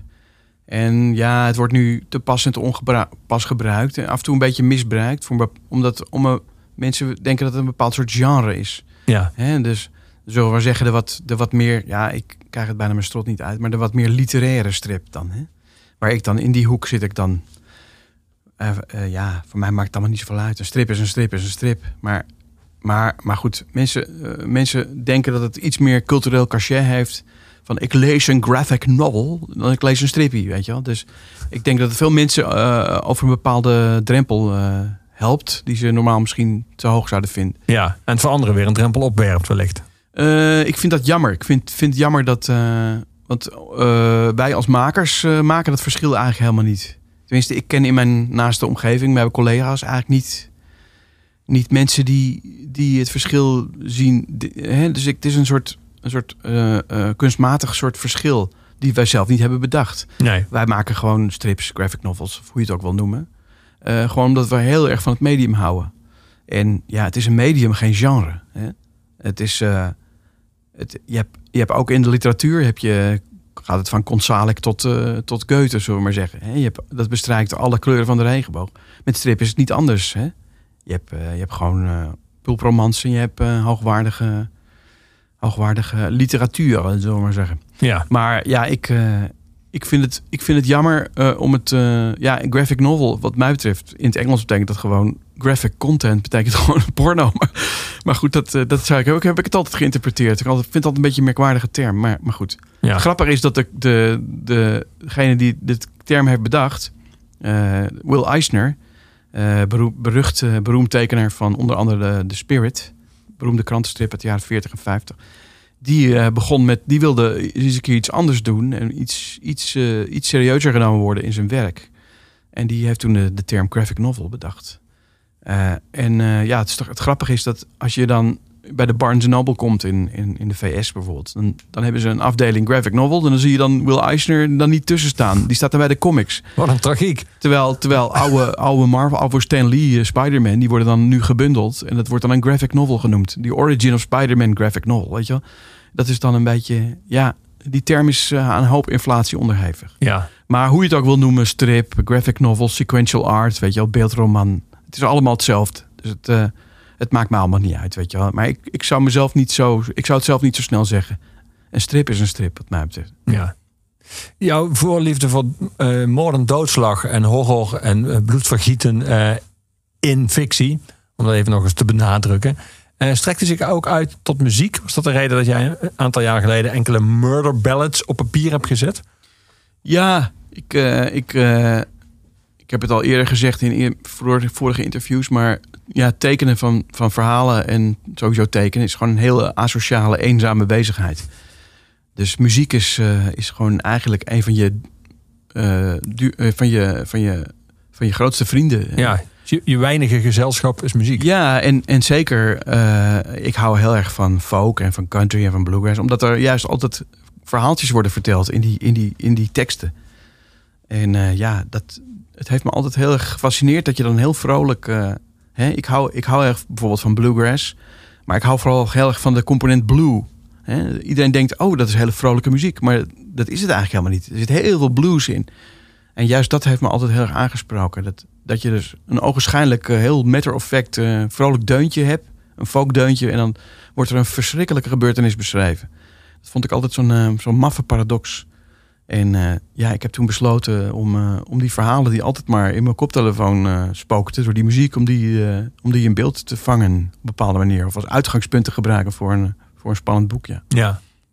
En bleek dat toen je dat ging uitwerken ook net zo leuk om te doen als je van tevoren dacht? Of, of kom je ook, of, nou, ik, eh, eh, Omdat je bij sommige nummers misschien een bepaald beeld had. Ik maar vond, niet... ik vond het pittig omdat er eigenlijk maar één murder ballad is geschreven. Het is altijd een jongen steekt meisje dood omdat meisje wil niet met jongen trouwen. En eh, als, als je, niet, als je, als je met, niet met mij wilt trouwen, dan, dan mag niemand met je trouwen. En dat is bijna, nou ik denk bijna 90% van de murder ballad komt daarop neer. Dus dat, daar kwam ik tot mijn schrik achter dat het eigenlijk een beetje een saai boek zou worden. Want het zou steeds hetzelfde zijn. Dus toen heb ik ook besloten om het iets eh, breder te trekken. Dus eh, om, om iets te differentiëren in, eh, in, eh, in liedjes. En ik wou er ook wat eh, moderne liedjes in. Dus niet alleen maar eh, hele oude ballads. En ja, en mijn uitgever die, die zei van ja, dat is allemaal wel leuk. Steve Earle en Gillian Welch. Maar dat kent helemaal niemand. Je moet er iets, iets bekends tussen doen. Dat mensen, kunnen, dat mensen kunnen aanhaken. Dus die zei van ja, iedereen had het over oh, Murder Ballads. Oh, ga je Nick Cave verstrippen, weet je? Ik ben niet per se voor of tegen Nick Cave. Ik ben niet echt zijn grootste fan. Maar ja, ik ben ook vind het best oké, weet je wel. En ja, toen, toen dacht ik, oh ja, die ene hit met Kylie Minogue, die vond ik eigenlijk heel erg goed. En ja, Grappig, ik, had- ik zou ook meteen aan, aan, aan Diane denken. Van, bekend geworden, nog, nog bekender door Therapy. Maar ik van Husker Du. Dat is ook, ook, ook zo'n klassiek verhaal. Een ja, ja, jonge ja nee, als je, punt. als je erin gaat verdiepen, dan, dan, dan gaat het ontstijgt de country en de bluegrass en de folk heel erg. Dan zit in alle genres kom je ze tegen. Het is, eh, het is ja, liefde en, en dood en moord. Het gaat heel hand in hand. En ja, dat levert altijd de goede dramatische teksten op. Dus eh, ja, zodoende. Ja. We gaan die draaien. Die van eh, Nick Cave en Oh ja, Kylie. Minogue. Where the Wild Roses Grow. Van het album Murder Ballads. Uit 1996 alweer.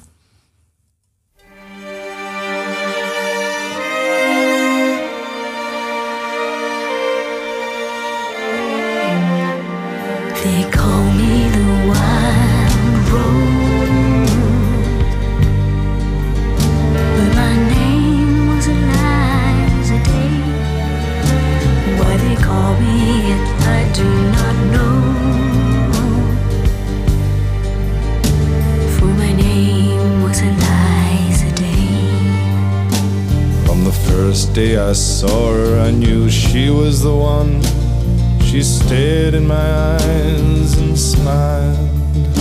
For her lips were the color of the roses that grew down the river, all bloody and wild. When he knocked on my door and entered the room, my trembling subsided in his sure embrace.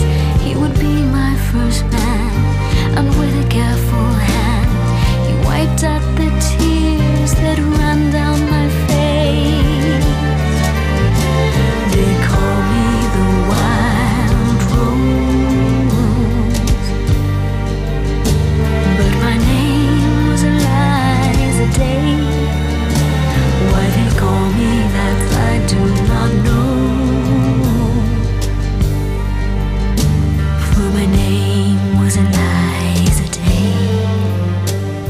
the second day, I brought her a flower.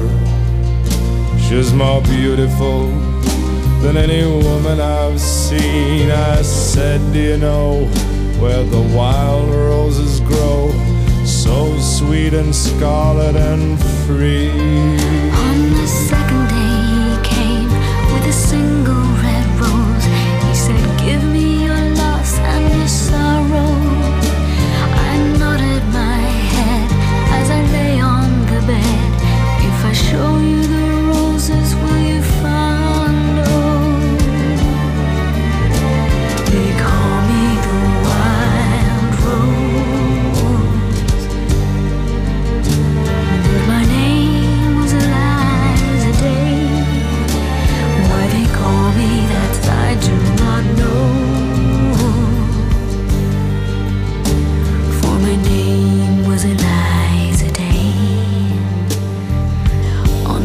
Day, he took me to the river.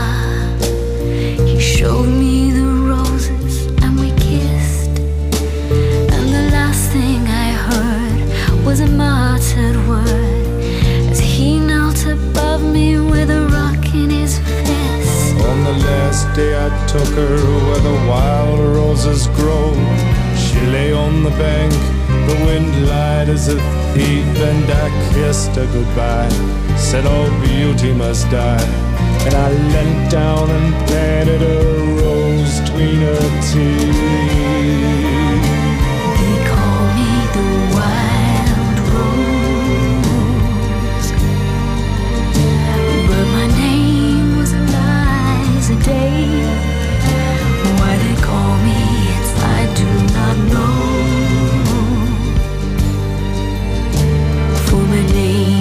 Day. My name was Eliza Day. For my name was Eliza Day. Je luistert naar Oeverloos op Kink en mijn gast is striptekenaar Erik Kriek. De Balling, zo heet zijn nieuwe boek. Erik, we hebben hier ook al schrijvers te gast. Sommige van die schrijvers geloven in schrijfcursussen, sommige geven ze zelf. Ehm, hoe is dat bij strips? Kun je striptekenen leren? Eh, eh, moeilijk, want eh, ja, er is, nu wel, er is nu wel een opleiding in Zwolle. Die was, ja, in mijn tijd bestond die niet. Eh, Dus je hebt het zelf moeten leren. Nou ja, ik. ja, feitelijk wel. En ik, ja, het is, het is heel moeilijk als je begint. Dan, dan denk je van hoe doe je dat eigenlijk? En Hoe deel je een pagina in? Hoe groot moet je eigenlijk tekenen? Hè? Dus ja, op een gegeven moment teken je gewoon dan ja, op A3 of, of zoiets. Denk je, nou, verklein het wel. Nu met de computer is dat makkelijker. Maar vroeger moest je echt op de kopieermachine dingen verkleinen en zo. Maar ja, toen zag ik een keer eh, een tentoonstelling van ik originele van Charles Burns. Die tekende heel erg groot. Toen dacht ik, van, oh, nu snap ik waarom hij zo scherp tekent. Hij tekent gewoon, gewoon bijna op 100, eh, op 200 procent. Toen ben ik, ben ik ook een slag groter gaan werken. En ja, dan valt alles op zijn. Ja, dat is maar één voorbeeld natuurlijk. Dus je, ja, ik, ja, ja, je had vroeger natuurlijk tekenstudio's. Hè, eh, Toonder Studio is heel eh, beroemd natuurlijk. Waar, waar veel, eh, ja, eh, oud-collega's, oude, ik zou moeten zeggen, niet oud-collega's, maar oude, oudere collega's, Ja. dus van een generatie voor mij, hebben echt het vak geleerd door in de studio echt als leerling te beginnen. Hè. Bijvoorbeeld Dick Matera, bijvoorbeeld, die is echt begonnen bij Toonder en moest, mocht dan af en toe een plaatje inkten, of de, of, de, of de achtergrondjes inkten en zo. Maar dat, dat bestaat natuurlijk helemaal niet meer. Dus ja, ik, eh, ik doe het gewoon helemaal. eh, ik, ik vind altijd het wiel eh, gewoon opnieuw uit. Ja, Dus, eigenlijk met vallen en opstaan dan ook. Of met fouten die, waarvan je nu dan achteraf denkt... jezus, heb ik ooit kunnen denken dat het zo en zo moet? Of viel dat wel mee? Nou ja, als je, als je jezelf niet zo een doel stelt, dan kan je ook niet echt fouten maken. Kijk, ik, ik, ik, ik, ik weet gewoon heel erg wat ik wil maken. Dus dan, ja, natuurlijk maak je fouten. Ja, wat zijn fouten? Ja, ja ik, ik vermijd gewoon dingen die ik niet zo goed kan.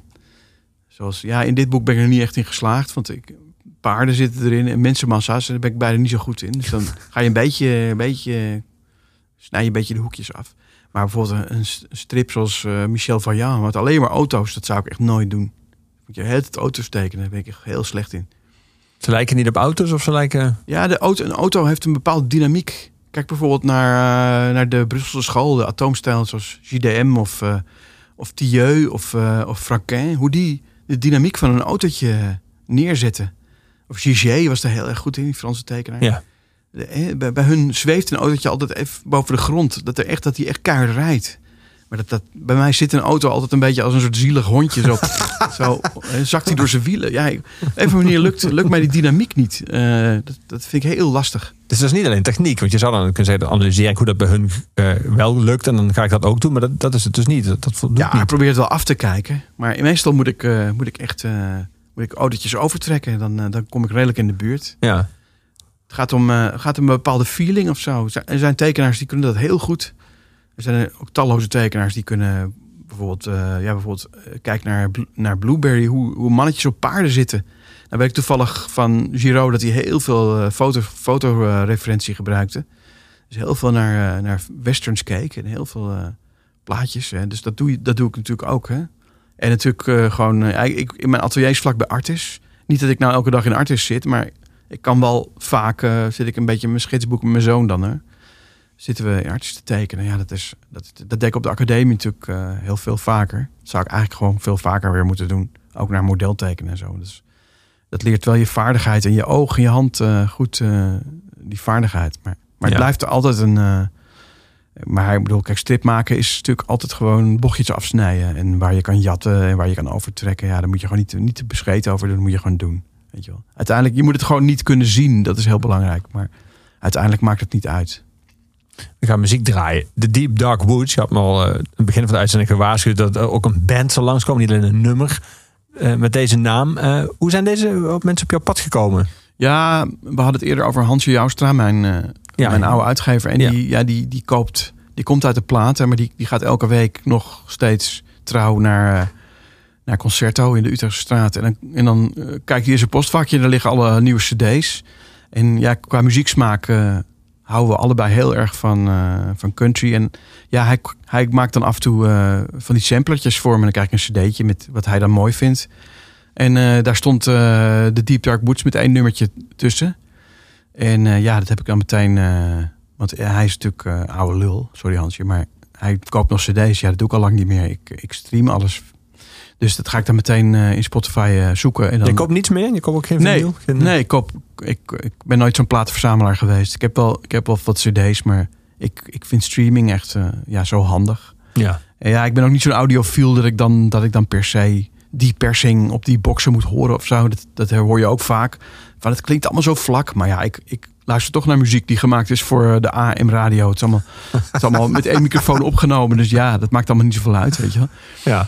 Dus eh, ja, ik, eh, ik, eh, ik, ik, ik vind prima streaming. Ja. Ik vind het een ontdekking. Maar ja, dan kom ik dus op zo'n bandje ja als de Deep, Dark, Woods. Ja, volgens mij komen ze uit Canada. Zijn ze zijn een paar keer in Nederland geweest. In Paradiso Noord, volgens mij.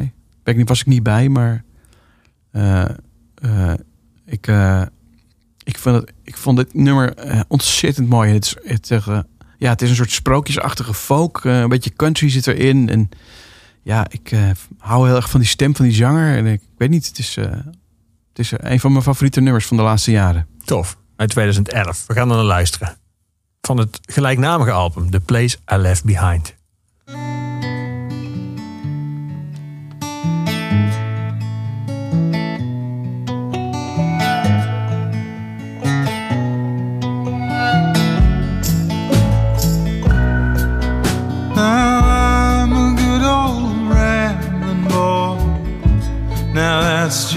What I am.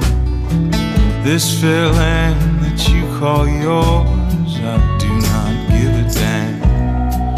I've got the rambling fever down in my bones. Been everywhere that I want to go. The only place that I ever loved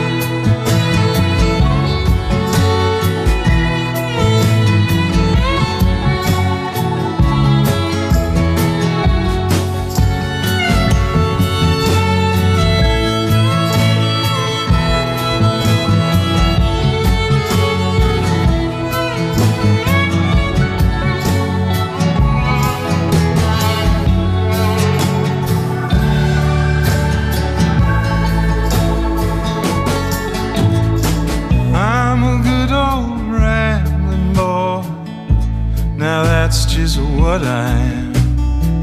This fair land that you call yours, I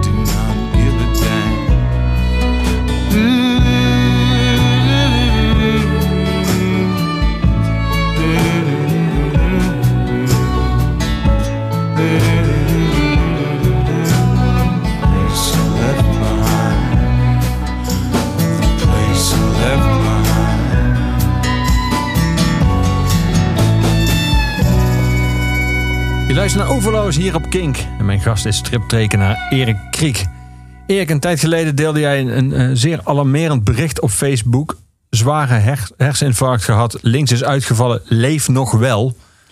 Eh, Ja, dat deed ik. de ik deed was een soort van goed nieuws dan toch Ja. nog, maar... Ja, ik, ik deed het vooral omdat mijn eh, arme vrouw... die eh, werd natuurlijk helemaal plat gebeld en plat geappt... van wat is er met Erik gebeurd? En ja, die arme schat die, die zat natuurlijk al in half in paniek... en die moest iedereen te woord staan. Dus ik dacht, laat ik haar nou gewoon een beetje tegemoet komen. En, eh, want mensen durven dan... Ja, ik snap het wel. Mensen durven dan niet zelf te bellen of te appen. Dat zou ik ook niet durven. Nee. Als er iets ergs met iemand gebeurt. Maar ja, om haar een beetje te ontlasten. eh, want ze werd echt letterlijk helemaal gek van al die. Het waren honderden mensen, hè, tientallen mensen die echt aan de lijn hingen en haar belden. En, dus toen dacht ik van, weet Je je had wat? het ik- gehoord via via dat er iets met ja, jou aan de ja, hand via was. via. Er was iets met Erik gebeurd. Oh, oh. En eh, ja, dus ik heb toen gewoon gedacht, weet je wat? Ik, ik kan nog met één hand typen. Ik ben, nog, ik ben weer coherent. Ik was, ik was een paar dagen even van de kaart. Maar dat dacht ik, ben iedereen voor. Ik doe, het gewoon, doe gewoon zelf die mededeling op Facebook. Ja. En, en gewoon met de, met de mededeling van... jongens, ik ben gewoon bereikbaar te bellen, te appen. En, en het, eh, ik, het is gewoon revalideren. Maar ik, eh, ik, ben, ik leef nog. Ja, ja, af en toe stuurde je een update vanuit het revalidatiecentrum. Maar daar ben je inmiddels nu uit. Gaat dat nu eh, weer goed? Ja, ik mocht eh, even kijken. Uiteindelijk ben ik maar vrij kort eh, in het begin had ik, had ik geen idee. Ik dacht, eh, ja, u, gaat, eh, u kunt naar een revalidatiecentrum, meneer. Ik zei, maar hoe lang moet ik dan blijven? Drie dagen of zo? Weet je wel? Nee, maar het was heel snel duidelijk. Dat wordt een eh, lang verhaal, meneer. We- de eerst komende drie maanden gaan we, dan gaan we eens even verder kijken hoe het gaat. Ik zo, huh? Drie maanden? What the fuck is dit? Weet je wel, heel snel daalde dat in van, oh, I'm in for the long haul, weet je wel. Maar eh, ja, uiteindelijk mocht ik na twee maanden al, eh, al gewoon weg. En mocht ik naar huis. Ik kon zelf met de tram. En ik, heb, ik had een hele goede verbinding met mijn huis en de tram. Dus ik kon gewoon hobbelend op de invalide stoel met mijn stokje tram in. En dat ging prima.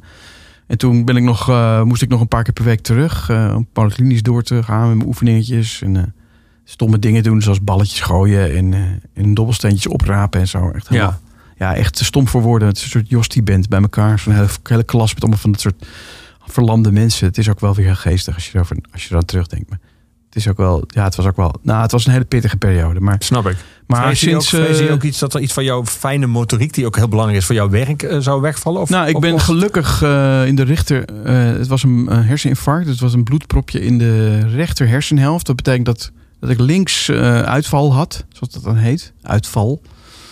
En eh, gelukkig eh, is dat puur, eh, was dat puur, eh, of voor het grootste deel was dat eh, motorisch. Dus ik was linker, aan de linkerkant helemaal verlamd. Mijn been, mijn arm, gewoon de linkerkant van mijn lichaam. Was gewoon lam. En eh, ja, en de, ja, dus eh, sindsdien probeer ik dat eh, terug te krijgen. In het begin ging dat redelijk snel.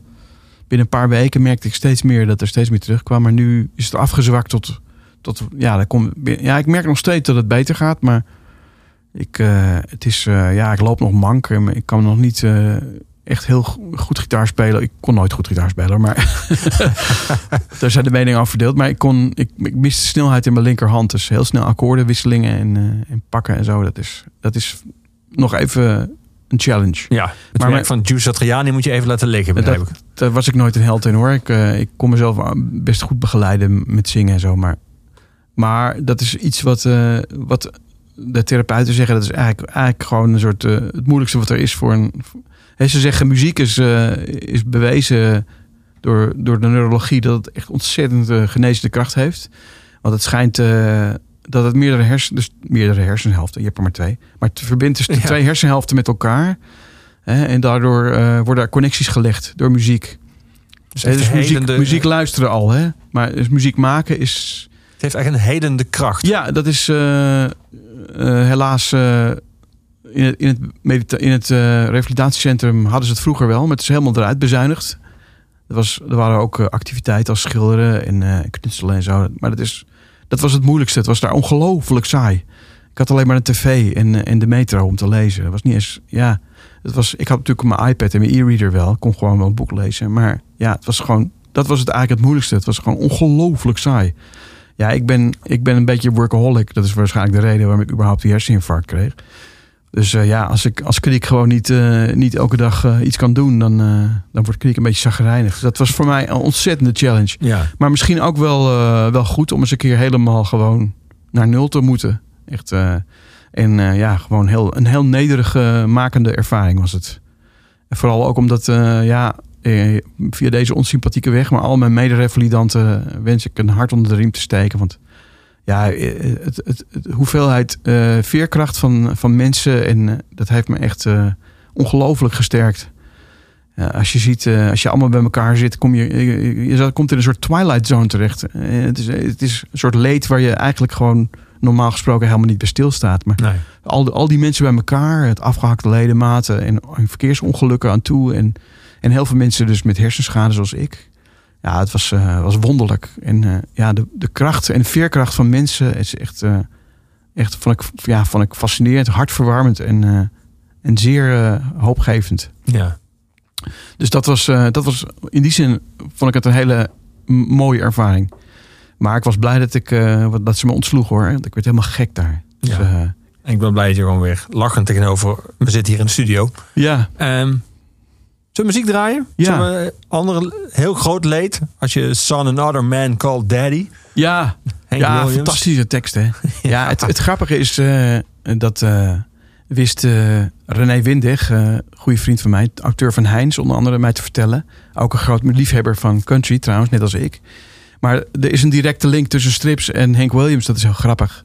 Want ja, ik heb vorig jaar Murder Ballads verstript. Maar Hank Williams liet zich, was geen geletterd man. Hij had misschien de Bijbel met moeite een keer doorgelezen. Maar zijn teksten haalde hij voornamelijk uit, eh, uit comicboekjes. Van die, van die goedkope eh, ja, comicbooks. En dan vooral eh, van die romance, van die, van die boeketreeksachtige strips. En dat, hij, ja, hij haalde daar gewoon letterlijk teksten uit. Zo van, hey, dat, is, dat, dat kan best eens een hit worden als ik hier eh, nummer aan wijd. Ja, dat vind ik dan weer heel erg leuk. Ja, heel leuk. Ja, We gaan hem draaien. ja te gek. My son calls another man daddy.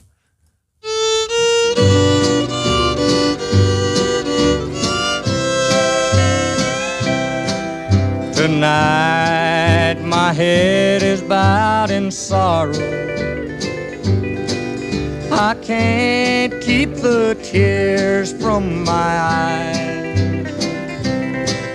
My son calls another man daddy. Right to his love I've been denied. My son calls another man daddy. He'll never know my name nor my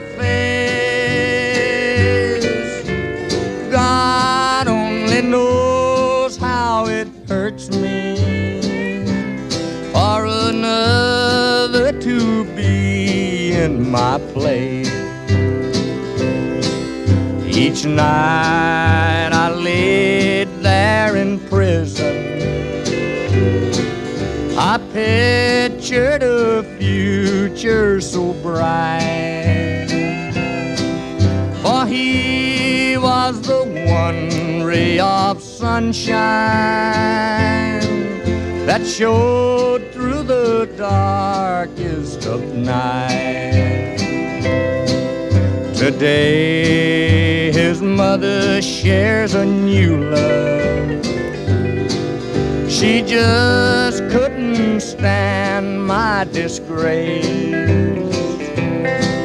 My son calls another man daddy longs for the love he can't replace. My son calls another man daddy. He'll never know my name nor my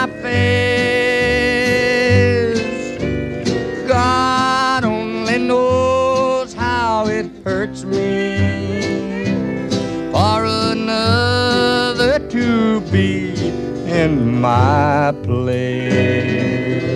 We naderen het einde van deze Oeverloos op Kink. Iedere zondag van 6 tot 8 en daarna tot een eeuwigheid der tijden terug te luisteren als podcast. Volgende week hier zanger Diggy Dex te gast. Mijn eh, gast de afgelopen anderhalf uur was Erik Kriek, striptekenaar. De Balling, zo heet zijn nieuwe boek. Moet jij even bijkomen van zo'n groot, massief werk als dit? Of ben je alweer de workaholic, zoals je net zojuist jezelf omschreef, als je bent, alweer verder met de volgende? Nou het boek ligt er nu, maar ik heb het al. Ik had het eigenlijk al voordat ik die beroerte herseninfarct had, had ik het gelukkig al klaar. Ja. Dus ik had het eigenlijk. eh, eh, ik had het in augustus, september had ik het al uh, grotende- grotendeels klaar. Er moesten nog wat, wat eh teksten, edits komen en het moest geletterd worden. En er moest nog, eh, moest nog even wat redactie overheen. Maar gelukkig eh, had ik het grotendeels klaar. Nee, ik, Dus hij ligt een tijdje achter. Dus je bent er op, maar ik wil, bezig. ik wil niet eh, te lang wachten met. eh, ik wil niet dat er tien jaar tussen zit. Dus ik ben inderdaad alweer bezig. Ik ben altijd bezig, maar ik ben alweer in stiekem bezig met een nieuw verhaal. Ja. Dus dat wordt ook weer een, een roman. Tof. Ja, ik kan er, ja, er komt eerst nog eh, dat boek waar ik eerder deze Ja, uitzending met- over had. met die portretten. Dat komt eh, bij Concerto. Dat moet volgend jaar verschijnen. Dat, eh, maar ja, dat, is, dat zie ik echt als tussendoortje. Dat zijn, is geen verhaal, maar het zijn alleen portretten. Ja. En ik ben nu bezig met, met, ja, met illustraties voor een nieuwe kinderserie. Een soort, soort Paul van Loo, maar dan iets heftiger voor iets oudere kinderen. Dat is hartstikke leuk. En ik ben met eh Correro Books uit Londen in gesprek over een, eh, over een, eh, een gedicht van Joseph Moncure March. uit, de, uit de jaren twintig. Mhm. En eh, eh, ja, ze wilde een graphic novel, maar ik zei ja, dat gaat niet gebeuren. Maar we kunnen wel een geïllustreerd boek. want ik zei ja, dat, dat, dat, dat gaat gewoon niet gebeuren. Dat, dat kunnen jullie nooit betalen. En dat, dat vind ik ook niet interessant om te doen. Dus, Ja. Dus maar dat, eh, ja, ik heb genoeg te doen hoor. Maar ja, en dan ben ik zelf natuurlijk wel bezig met, eh, met ideeën voor een, eh, voor een nieuwe roman. Ja. Maar ja, voordat, zoiets, voordat, je, voordat je je committeert aan zo'n project, moet het eerst ja, wat voorwerk gebeuren. Dus die, al die verveling die je zojuist beschreef in de kliniek, die is hele, helemaal voorbij. Ik, ik, ik, ik heb het altijd als extreme luxe beschouwd om je te vervelen. Ik verveel me nooit. Dat heb ik nooit gekund. Ik verveel me heel erg op, op, op verjaardagen of zo. Of eh, feestjes. Dan verveel ik me vaak. Dus eh, dan moet ik... Ja, ik vind, vind, ik vind over koetjes en kalfjes praten altijd heel erg moeilijk. Dat kan ik eigenlijk helemaal niet. Dus van, van mijn vriendin moet ik altijd mee. Maar ik ben eigenlijk altijd weer met mijn hoofd ergens anders. Dus dat is misschien voor gelijkaardige geesten misschien herkenbaar. Maar dat kost mij grote moeite. Dankjewel dat je hier was, Erik. Nou, graag gedaan. Erik Kriek, de balling, ligt nu in iedere boekhandel. En dit was Oeverloos. Het laatste woord is altijd aan onze huisdichter, aan Luc de Vos. Hier is Gorky met de live versie van Broeders en Zusters.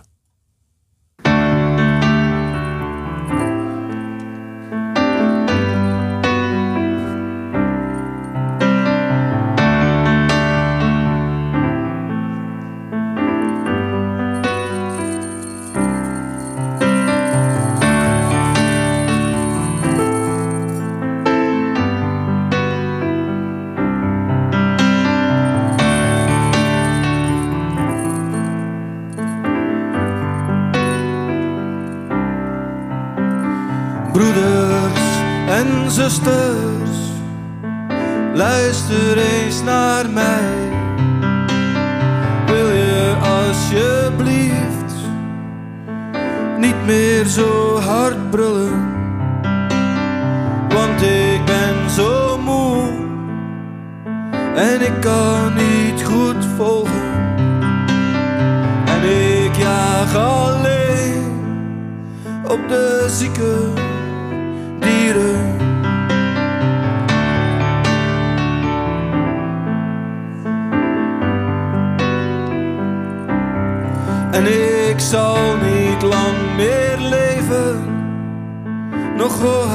vijftig jaar. Maar voor ik zal verdwijnen, moet ik dit nog even kwijt. Jullie moeten niet zo dom doen en af en toe eens zwijgen. En je moet van alles leren dat je later wat